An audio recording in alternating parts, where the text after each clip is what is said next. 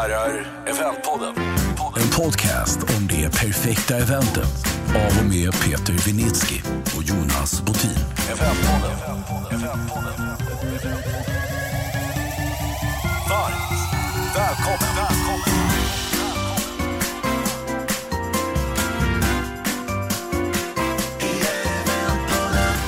Eventpodden. Jaha, Eventpodden är tillbaka eh, och vi förmodar att det är på andra sidan pandemin. Vi tänker ägna ett avsnitt åt att reflektera eh, hur branschen har klarat sig och vilka utmaningar som eh, ligger framför oss. Det var ett tag sedan vi gjorde ett avsnitt så vi är lite ringrostiga Peter. Svar ja. Och vi har tänkt att vi också ska prata med en person på ett företag som vet det mesta om hur man kommer att jobba på kontor framåt eller hemifrån och hur allt det där ser ut. Det ser vi fram emot. Peter, vad skulle du säga? Branschen och pandemin, hur har vi klarat oss? Nej, men alltså det är lite tudelat. Eh, tittar vi på byråer, alltså eventbyråer, så, så tycker jag att det har gått över all förväntan. Med, med det sagt så har det ju varit tufft för alla men, men det har ju i princip inte varit några konkurser. Det, det trodde jag personligen att vi skulle se när det har dragit ut så mycket på tiden. Folk har ju förlorat jobbet på många byråer men inte så många. Det är ju inte så att, att eh, som det har varit i vissa andra liksom angränsande industrier. Så det är inte så många som, som har förlorat jobbet ändå verkar det som. Eh, sen har ju alla byråer försökt att liksom ställa om till det digitala och det har man ju gjort med varierande framgång. Vissa var ju snabbt på bollen och, och de har ju liksom kanske till och med haft, haft ett, en ganska hygglig period här, här på senare tid. Har man inte ställt om, jag vet att det finns byråer som fortfarande inte ställt om utan som väntar på att rida ut där. Då skulle jag nog med, med en fas säga ställ om och lär er det digitala för det kommer att finnas med. Det, det handlar inte om att vi inte ska träffas fysiskt men det digitala kommer att adderas. Så att har man inte redan gjort det då är det egentligen för sent men gör det nu för guds skull. Sen är det ju jag sa att byråerna har klarat sig hyggligt. Tittar vi på resten av leverantörsledet Ja, där, är, där är det ju slaktat. Det, det är ju liksom, jag vet att där jag, där jag jobbar till vardags, vi eh, sökte nyligen en, en, eh, en person för ett föräldravikariat på, på ett år. Och normalt sett om vi söker en sån tjänst så kanske vi får 25-30 ansökningar. Denna gången så sa vi stopp efter 150 och då skulle jag säga liksom att väldigt många var, var väldigt kvalificerade och det var ju jättemycket från leverantörsledet. Mm. Så, så att där har det ju varit slakt. Så att du, du, du frågar hur branschen har tagit sig igenom pandemin. Ja, bättre än förväntat på byråsidan. Otroligt hårt har det ju slagit mot leverantörsledet, så kan man väl säga. Om man frågar om, om branscher runt om eh, våran bransch, har de ställt om åt vårt håll? Alltså, för- har konkurrensen blivit större? Är det, är det leverantörer som försöker också ge sig in i det digitala? Och, ja, har det stuvats om någonting? Nej, jag tyck, det, det tycker jag inte. Det är klart att folk sprattlar till till höger och vänster och försöker. Och du tittar liksom på stora hotellanläggningar. Alla bygger digitala studios. Fast de inser också att de tjänar inga pengar på det. Så det kanske liksom är mer verkligen konstgjord andning för att kunna hålla igång någon form av personal och sådär. Eh, och det är klart liksom att det kommer lite nya aktörer och så där som ska göra digitala sändningar. Det har dykt in lite så produktionsbolag och så men Nej, de flesta har nog liksom bara bantat ner och skruvat åt så mycket det har gått för att spara pengar. Vilket, vilket jag tror är rätt i liksom leverantörsledet. Mm, mm. Eventpodden. Eh, Och, och vi ska ju prata lite om så här, hur man kommer jobba framöver och sådär. Eh, vad eh, vad, eh, kommer, man, kommer man jobba bara hemifrån? Kommer man jobba bara kontoret? Hur kommer man mötas kopplat till hur man kommer att jobba? Eh, ska vi resonera lite kring. Eh, så jag tänkte vi skulle välkomna dagens gäst. Eh, Rebecka Liljeblad Torell. Välkommen! Tack snälla! Du är kommunikationschef på Vasakronan. Mm. Eh, Och jag tänker, vi använder Peters gamla mor som, som eh, role model när det gäller att förstå. Så du får berätta för oss och henne vad Vasakronan gör Mm. eh, och vad du vet. Absolut. Eh, Vasakronan är Sveriges största kommersiella fastighetsbolag. Det betyder att vi äger, vi utvecklar och vi förvaltar framförallt centralt belägna kontors och butiksfastigheter i Sveriges fyra största städer, Stockholm, Uppsala, Malmö och Göteborg. Ehm, vi har drygt 300 anställda. Absolut majoritet har sin bas i Stockholm. Ehm, den tveklöst största delen av vår affär, 65 procent av våra hyresintäkter, ehm, har vi just i Stockholm, Stockholm city väldigt mycket. Eh, Så det är uthyrning av kontor som står för den största delen. Ehm, sen har vi också en ganska stor andel ehm, cityhandel som står för ungefär 18 procent av våra hyresintäkter. Och hur, hur har ert år varit? Alltså hur, vad, vad har hänt med er?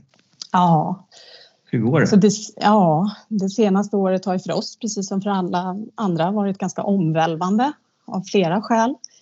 Eh, Citykärnorna, våra fastigheter, eftersom de ligger väldigt mycket centralt belägna, avfolkades ju väldigt, väldigt snabbt. När Folkhälsomyndigheten gick ut med riktlinjen om hemarbete, social distansering och sådär. Eh, och det är klart att det där påverkar hur människor rör sig i och runt våra hus och det påverkar ju våra kunders verksamheter. Inte minst precis det som ni gör, besöksnäring, restauranger, eventbranschen på många sätt. Och därför påverkar det ju även vår bransch. Eh, andra kvartalet kan jag säga 2020 då när pandemin bröt ut och på riktigt kan man säga. Och social distansering trädde i kraft, hemarbete trädde i kraft. Då la vi extremt mycket tid på att hjälpa dem och våra kunder inom handel och service som drabbades hårdast. Eh, De tappade ju liksom sina kundflöden över en natt. Jag tror Mm. att alla som var vid Sergels torg i mars 2020 kunde liksom tydligt se att det var ju absolut knäpptyst. Det var ju oerhört märkligt. Mm. Och i samband med det här så gick vi ju själva över till distansarbete. Så att eh, det var ju, det har varit ett omvälvande år, ett annorlunda år säger många. Jag säger ett år som inget annat för någon egentligen. Mm. Mm. Vad, vad, vad, och, och nu håller man på att liksom fundera på hur ska man göra? Ska man, Spotify talar om att ingen ska behöva jobba på kontoret och, och något, annat bolag tänker si eller så. Ni hör ju ganska många tänker jag. Hur, hur resonerar Mm. man kring, kring framtidens arbetsplatser? Jag tänker så här att de frågor som har blivit akut aktuella för väldigt många företag ehm, med distansarbete, teknikutveckling, det här. ehm, Det är ju frågor som vi i branschen har jobbat med i många år. Och Vasakronan har ju på många sätt haft ett väldigt annorlunda arbetssätt i många år som liknar det som vi ser kommer nu. Men det är klart att för många av våra kunder så har ju pandemin fungerat som en superkatalysator Mm. för, för liksom utvecklingen av digitala arbetssätt. Och det driver ju också en utveckling där synen på kontoret förändras. Eh, och jag tror ju inte, varken personligen eller professionellt, att frågan kanske ytterst handlar om huruvida kontoren behövs. För det är jag övertygad om att de gör. Människor behöver mötas face to face, IRL. kanske inte fem dagar i veckan, men förmodligen tre. Och det är ju det är också vad väldigt många undersökningar visar. Det har ju gjorts rekordmånga undersökningar det här året skulle jag säga. Eh, En typ av undersökningar som vi i branschen kanske håller på med de senaste sju, åtta, nio åren för att ta reda just på hur mycket vill man vara på kontoret och de allra flesta landar i att ungefär tre dagar i veckan. Kanske inte exakt mellan 8 och 17 och kanske inte för att hacka Excel, för det kan man göra hemma. Mm. Men för att träffa kollegorna, lösa komplexa frågor i fysiska möten, förhoppningsvis garva lite grann över en lunchmacka. Liksom. Så att den absoluta kontorsdöden tror jag är helt överdriven. Mm.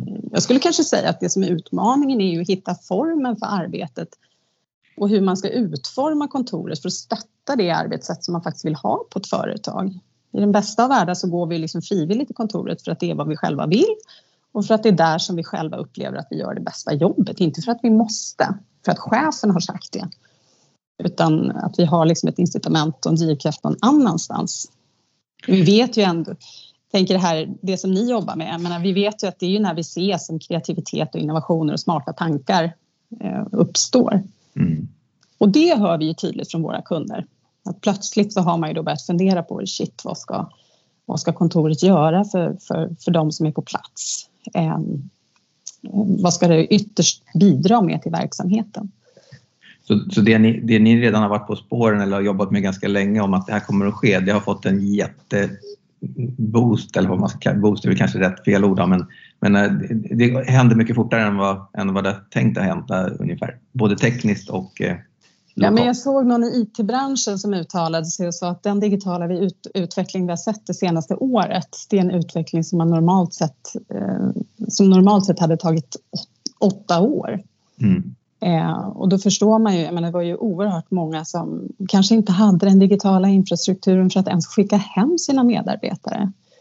Eh, man kanske inte hade ett ledarskap som var vant vid att leda på distans. Man kanske inte hade medarbetare som var vana vid att inte ha chefen bredvid sig, kunna ställa frågor och så vidare.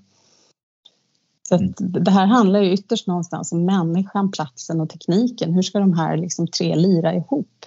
Hur ska vi... Ja, men vilken typ av medarbetarskap vill vi ha? Hur självgående ska de vara? Vad har vi för tillit i företaget? Vad har jag som chef för tilltro till mina medarbetare? Mm. Peter Winitski, tror du att Jonas gör sitt jobb om du inte ser honom varje dag? Mm. Eh, litar du på att Jonas faktiskt sköter sig trots att du inte ser honom? Och hur starkt kopplad blir jag till mitt varumärke om jag, inte, om jag aldrig är där? Eh, alltså, eh, jag, ska, jag ska vara Vasakronan fem dagar i veckan men jag är aldrig där. Eh, hur, hur, Nej, men precis. Alltså... Kulturfrågorna, värderingarna, eh, det här företagsgemensamma kittet som är så otroligt svårt att ta på. Mm. Eh, jag jobbar med kommunikation, jag kan sitta hemma och skriva en text, absolut. Men, men när möten mötena uteblir eh, så uteblir ju också både fakta, eh, inspiration men också annan mjuk inspiration. Hur tänker ni eh, i, i, i liksom projekt som ni håller på med nu som inte är färdiga ännu? Hur, hur utformar ni kontoren och mötes, mötes, ur mötesperspektivet? Eller? 10 000 kronors frågan som alla måste fundera över är ju liksom vad är det för för arbetssätt jag vill ha i framtiden. För det får ju bäring på hur man utformar sitt kontor och jag tror att vi kommer att se eh, en hybrid framöver. En hybrid som går ut på att människor arbetar en del hemma, en del på kontoret och en del egentligen var som helst. Men det vet vi själva. Man kanske sitter på landet eller man sitter på ett café eller många av oss svarar ju liksom på ett mejl i kön till ICA. Eh, you name it. Ehm, så att någon form av hybrid ehm, och där är ju liksom, jag menar, tekniken är en möjliggörare som ger frihet. Eh, kan bidra till ökad effektivitet och generera nya arbetssätt. Samtidigt så är det ju liksom människor som vi har att ta hänsyn till. Eh, och som bolag så måste man ju då hantera frågor som lärande, gemenskap, upplevelser. Eh, och det får ju som sagt konsekvenser för hur man utformar platsen. Mm. Man brukar säga att traditionella kontor har ju liksom ofta haft fokus på individuellt, äh, individuellt arbete. Äh, samarbete, servicefunktioner, socialt umgänge, det är någonting sekundärt sådär. Jag tror att moderna framtidsinriktade kontor kommer att vara ungefär det motsatta, det vill säga fokus kommer att ligga på att skapa bra förutsättningar för samarbeten av olika slag. De ska tillhandahålla en, liksom en hög grad av service eh, men naturligtvis också stötta behovet av individuellt arbete. Eh, så. Jag tror helt enkelt att kontoret kommer att fungera mycket, mycket mer som en mötesplats för liksom samskapande, bygga precis det här som du är inne på, gemenskap, kultur. Eh, för det märker vi ju, det är, svårt att upprätthålla mm. när man egentligen bara ser varandra på en skärm. Mm. Vi är mänskliga varelser. Liksom. Mm. Det är svårt att klara de bitarna digitalt i längden oavsett hur många fiffiga post-it, digitala post-it-verktyg man har. Liksom. Raise a hand blir inte samma grej liksom, när man sitter på en skärm som det blir i rummet. Och dynamiken i samtalen är inte heller... Det, går, det blir inte Nej, men Det blir inget bra liksom, när du ska lösa svåra frågor. Du kanske ska... Vissa, vissa möten funkar alldeles utmärkt digitalt. Mm. Faktabaserade rakt upp och ner möten. Mm. Men den här liksom totala dynamiken som man får när man behöver affärsplanera eller någonting sånt där. Man petar in liksom åtta pers i ett rum. Mm. Eh, den är ju knepig. Så där tror jag kontoret kommer att mm. det kommer att se annorlunda ut för väldigt många företag. Vi har ju redan ett sådant arbetssätt och har haft det i ja, åtta år egentligen. Mm. Att, men även vi märker ju brister. Mm. Trots att vi ligger långt fram. Och det här är ändå vår profession. Vi ska ju veta mm. hur ett kontor ska utformas. Och trots det så märker vi ju att när vi har jobbat 100% hemifrån i princip att um, inte ens vi har det 100, 100, 110 optimala kontoret. Alltså jag, jag, har ju lite koll på er sen innan och vet ju precis där du säger att era liksom kontor har varit smart ut, eller ert kontor har varit smart utformat för det du pratar om. Och att ni säkert har haft möjligheten att jobba hemifrån och så vidare. Samtidigt har ni ju av, av mm. förklarliga skäl aldrig jobbat hemma så mycket som nu. Eh,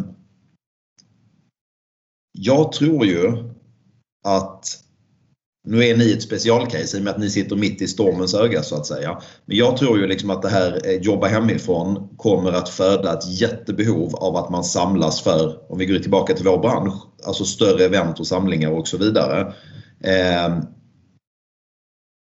du är en klok person. Vad, vad, tror du rent generellt? Förutom att man liksom, du tror att man ska jobba ihop när man väl är på kontoret. Vad tror du om, om vi, om vi går tillbaka till oss? Tror du att det här kommer att föda ett större behov av att man samlas liksom för sina kickoffer och konferenser och vad det nu kan vara för någonting? Eller tror du att det inte kommer att påverkas? Kommer man få nog av varandra i de här samlingarna på kontoret? Jag tror jag vet vad du vill höra för någonting Peter.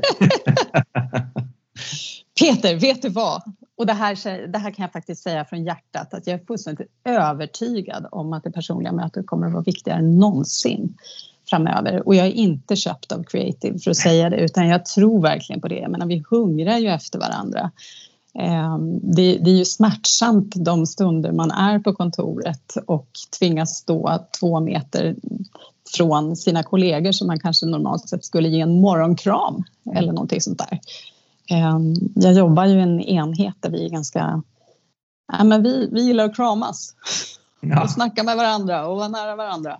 Närkommunikation. Ehm, Mm. Verkligen. Och vi har ju jobbat jättemycket för att hitta olika sätt att överbrygga de här personliga mötena som vi är vana vid att få när vi springer förbi varandra eh, på kontoret eh, eller står i kön till kaffeapparaten som för övrigt är den bästa kön på hela kontoret för det är där du löser så många små frågor och får så mycket inspo och kunskap och vad det nu kan vara.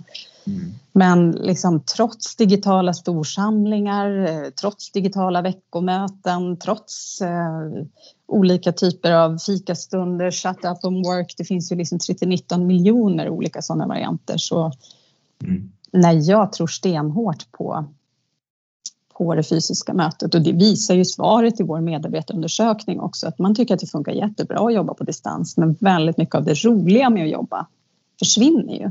Mm. Ehm, vi ser ju supertydligt att man, man tycker inte att man utvecklas, man har svårare att se helheten och man utvecklar liksom inte kreativiteten.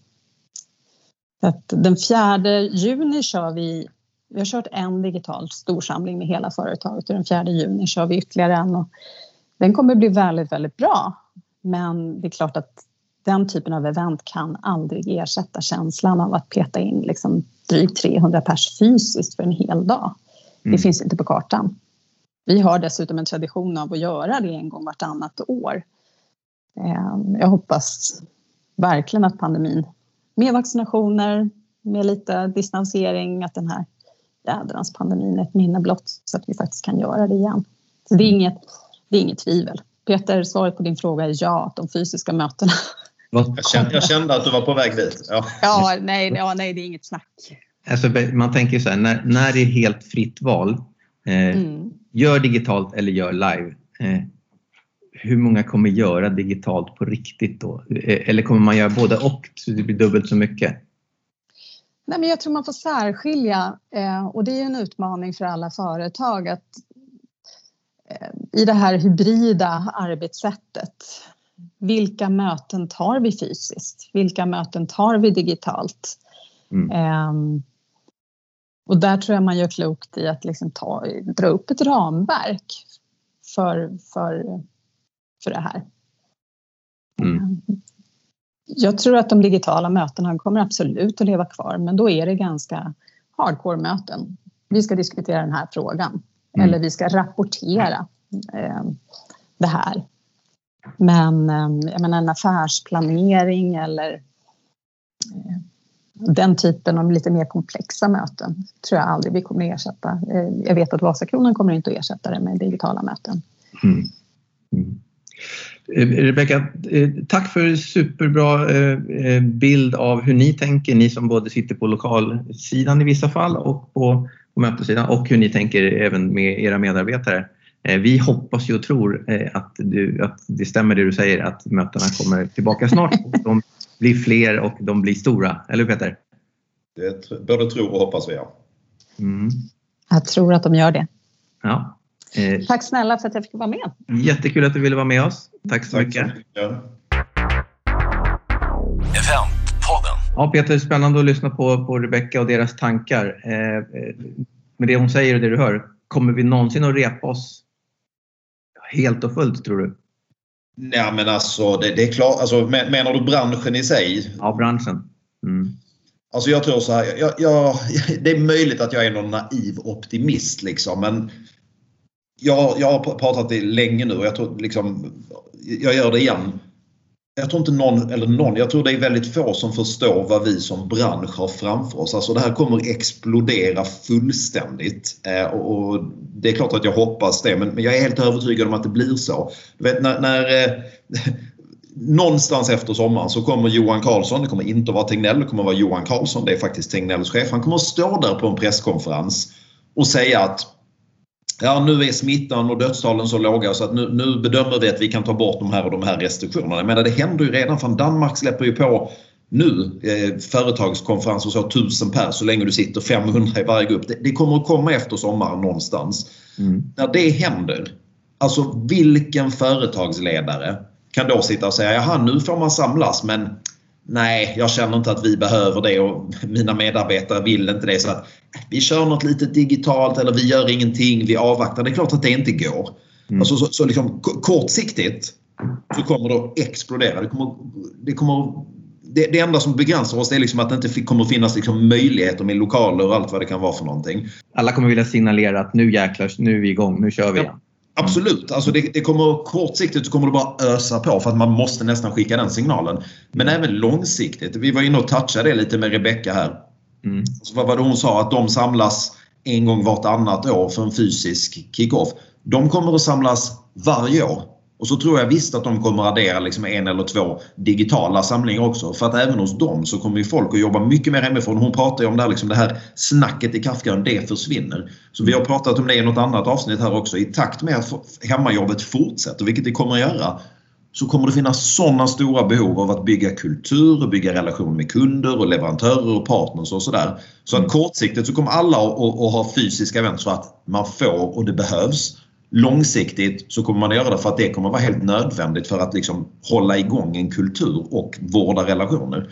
Så, så, att, vad var det du frågade, kommer vi någonsin repa oss? Jag tror att vi kommer repa oss sjukt fort och att den här branschen kommer att öka brutalt. Nu har, nu har du det på band så har jag helt fel om ett år så får du komma tillbaka och slå mig i huvudet med en hammare eller något. Men jag är helt övertygad om att det kommer vara fullt ös om ett år. Vi får se. Vad är det? 7 maj när vi spelar in där. Vi hoppar till 7 maj 2022 så ska vi se vad som händer. Ja men precis. Men vi kan väl också säga även om, även om eh, eh, covid är någonting helt annat än det vi har upplevt tidigare. Men när vi har haft eh, dippar tidigare så har det kommit igång väldigt fort igen. Mötesdelarna har kommit igång jäkligt fort.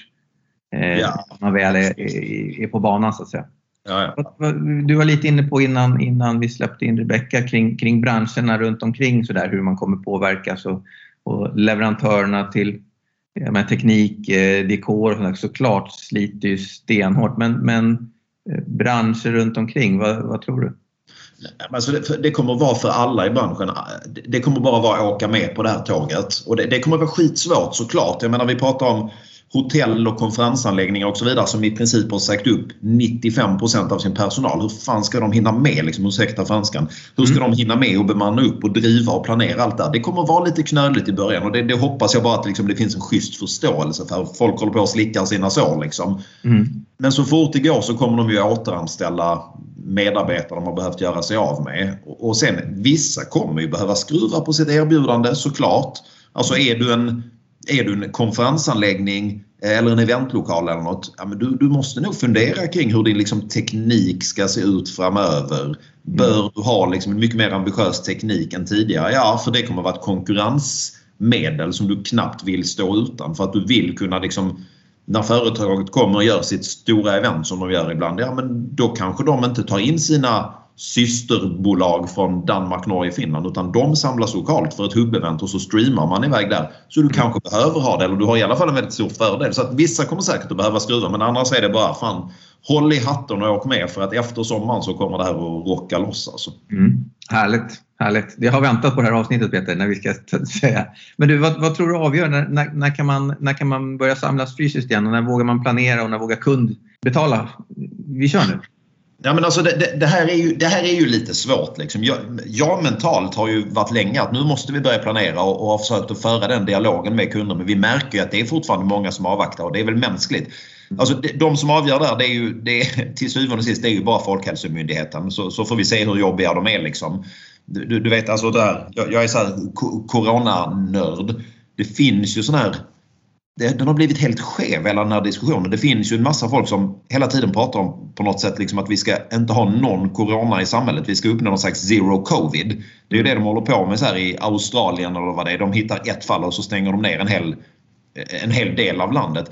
Ja, vill vi ha det då kommer ju aldrig samhället igång. Men då, då ska vi ju inte ha något samhälle för då ska du inte köra bil eller då ska du inte göra någonting för du kan ju dö av allt möjligt. Mm. Så, så det måste ju finnas en balans och, och, när har vi den balansen? Ja det är ju 10 000 kronors frågan. Men, men liksom senast igår när vi spelade in där så visade de ju på de här scenarierna. Och sköter vi oss bara som vi sköter oss just nu, det vill säga hyggligt och vaccineringen rullar på. Jag tror ju att någonstans månadsskiftet augusti-september så står de där och säger att ja, nu kan ni börja köra och då är ju utmaningen att då kan du inte gärna köra ett event två veckor senare för det krävs ju en planeringshorisont. Så jag tror väl liksom att det riktiga trycket i branschen kanske landar på från början av november och sen framåt och så kommer det bara ösa på in på nästa år och så vidare. Mm. Eh, sen är det ju så här liksom det här med samlas hur, hur man vill kanske. Det kommer säkert att finnas vissa begränsningar och så vidare. Men, men titta på de länderna som har kommit längst. Vad är det? Israel, Storbritannien och sådär. Där släpper mm. de ju på eh, löpande och snart tar de bort alla de här restriktionerna. Så, att det är mm. svårt att veta när allting är fritt spelrum. Jag menar tvätta händerna och eh, inte, inte slicka varandra i ansiktet vid kaffekann. Det ska vi kanske fortsätta att bara hålla oss borta från på längre sikt. Men, eh, Gör du många sådana där när man gör så? Du, men du, de här... Det var lite metaforiskt kanske. Jag förstår. Eh, men det har ju gjorts lite experiment utomlands med konserter och lite sånt där. Har du någon koll på utfallet där? Eller? Nej men alltså det, det, det, det är svårt för det, det har skrivits jättemycket om alla de här experimenten och sen har de kanske inte kört klart analysen och sådär men det, det jag har snappat upp har väl sett ganska bra ut. Jag vet att man har kört event med flera tusen personer både i vad det, Spanien och England där någon klubbkonsert nu för ett tag sedan. I Danmark om jag förstår det rätt får man redan nu vara 10 000 man på de stora fotbollsarenorna. I USA har vi ju sett mm. läktare fyllda med folk men det kanske inte är ett event på det sättet i sig. Det, och det kanske inte är skitsmart men, men amerikanerna är inte alltid skitsmarta. Det som är intressant är ju då att följa upp det och de har ju haft eh, på många av de här så har det ju varit så att du får bara komma om du kan visa att, liksom, att du är vaccinerad eller du har haft sjukdomen och sådär. Och då, de, där det finns siffror, det var ett case här från Spanien, nej, men då var det ju liksom ingen som hade blivit smittad. Jag tror att det, det, det var, hade varit 3000 man på en konsert sex stycken hade blivit smittade var de visste att fyra hade blivit det någon annanstans. Vilket väl någonstans är fullt rimligt. Om du är en, en normal individ så tänker man att är folk vaccinerade till höger och vänster mm. då ska man väl kunna gå tillbaka till ett normalt samhälle. Och det verkar ju det här, de här experimenten stödja den tesen än så länge. Men det, det finns inte jättemycket uppföljning ännu för att mycket av det här har skett nyligen. Liksom. Ja, ja. Men du, då tolkar jag dig som att, att vår gissning när man sätter igång med större grupper och så inomhus, det blir ja, runt årsskiftet.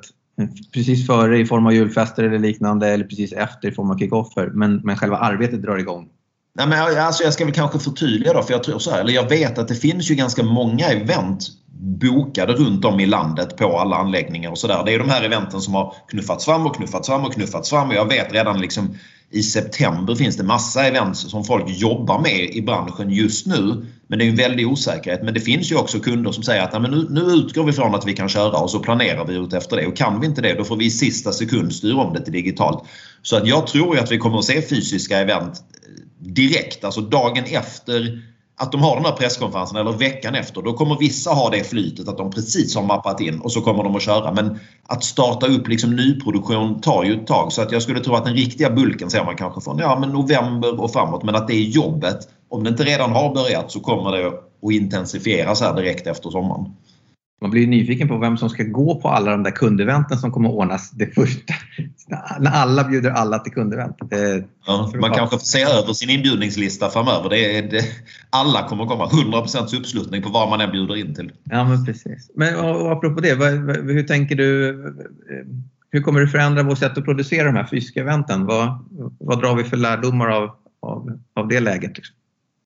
Nej, men jag, jag, I grund och botten så tror jag inte liksom att, de, att det kommer att förändras markant. Utan jag tror att vi kommer i slutet av året att se fysiska event som ser ut precis som de har gjort innan. För, för att det, det, är inte så att alla fysiska event var dåliga utan det, grunden kommer fortfarande vara precis samma sak. Sen kommer det ju vara så här, mycket av det digitala kommer ju att adderas till eh, till eventen. Jag tror att många av de byggstenarna man använder idag för digitala event, där man har hittat skitsmarta sätt liksom att involvera deltagare mm. eh, på ett bra sätt, det kommer att fortsätta. Så jag tror att man kommer att visa mycket mer liksom film och så vidare även på fysiska event eh, innan. Och som sagt, de här hybrid och hubb-eventen kommer också vara en naturlig del. Så mm. att vi kommer säkert att vässa våra fysiska event. Men du sa någonting om julfest här i december. Mm de kommer ju se ut precis som innan. Folk kommer att stå och kasta risgrynsgröt på varandra och, och eh, dansa och sjunga snapsvisor. Det är inte så att vi aldrig kommer tillbaka till de vanliga fysiska eventen. Absolut. Vad gör de på dina event? De slickas i ansiktet och kastar... Jag bara försöker tala i eh, överdrivna exempel för att det ska vara tydligt. Man ska tänka sig bilder framför sig.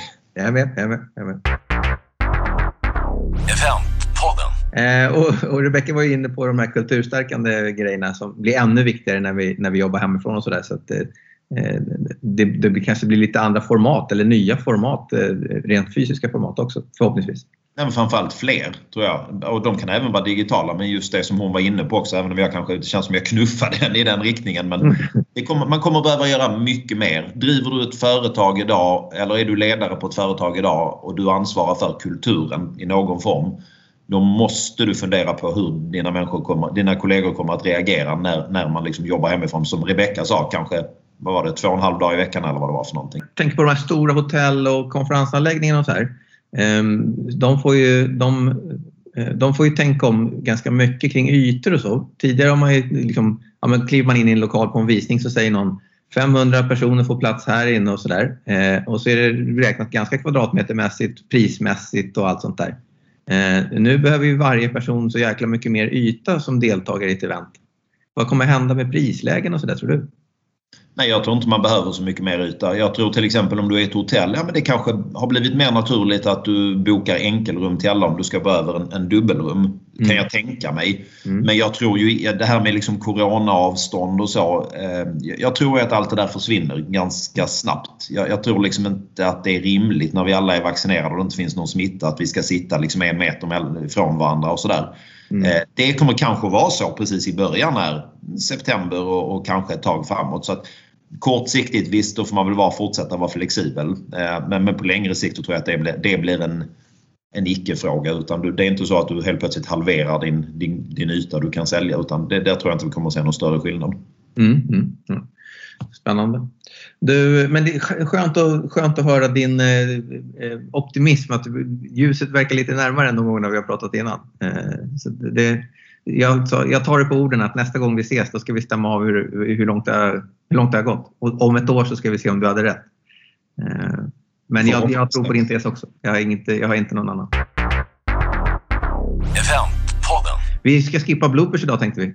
Eller ja. har, du, har du någon som du Nej, jag bara, jag bara kom på en sak som jag inte tror att vi har eh, faktiskt kommenterat. Att det här är väl första där vi lever i tiden. Det här är väl första poddavsnittet vi någonsin spelar in eh, digitalt via Teams. Så att vi kanske skulle sagt det i början och ursäktat om ljudet inte håller toppläst. Det kanske det gör, who knows? Vi har ju aldrig provat innan så vi får väl se. Mm. Har du, något, har du något, eh, något avslutande kloka ord som du tänker att du ska leverera? Clubhouse. Jag har sett att ni är där och lajar lite. Eh, är det framtiden? Slog det mig plötsligt. Ja, men jag, är, jag, jag tycker att Clubhouse är ganska, även om det verkar ha tappat den där håsen i början och kanske snart bara förpassas till någon digital kyrkogård. Vad vet jag, jag tycker att det är ganska intressant faktiskt. Mm. Eh, att, att, kunna liksom spontant hoppa in i samtal man tycker är intressant och, och göra det lite live sådär och inte bara behöva läsa utan lyssna på människor. Det, har, det ligger också, det är lite i samklang med tiden. Mm. Eh, jag vet att några, några duktiga eh, tjejer är det som håller på med det här varav några eh, jag träffar till vardags håller på med någonting på fredag eftermiddag som heter, vad heter det, eventtugg. Brukar de köra fredagar ifall det är fyra eller kvart över fyra eller någonting. Och det finns lite sådana. Det har inte riktigt exploderat men det, det är väl ett ganska intressant sätt tycker jag. Det, det en utveckling av, utveckling av det vi håller på med. Ja. Spännande. Eh, då tänker jag att vi, vi har gjort våran after corona och börjar faktiskt tro på den här vändningen. Eh, eh, och så ser vi till att vi eh, fortsätter att hålla avstånd och tvätta händerna så att det inte får något mer bakslag och kan köra på. Så vi kan kasta risgrynsgröt på varandra i december? kasta risgrynsgröt. Grymt! Peter, då vi säger så. Tack för idag då. Tack för idag. Eventpodden är färdiginspelad för den här gången. Hej hej. Ciao. FM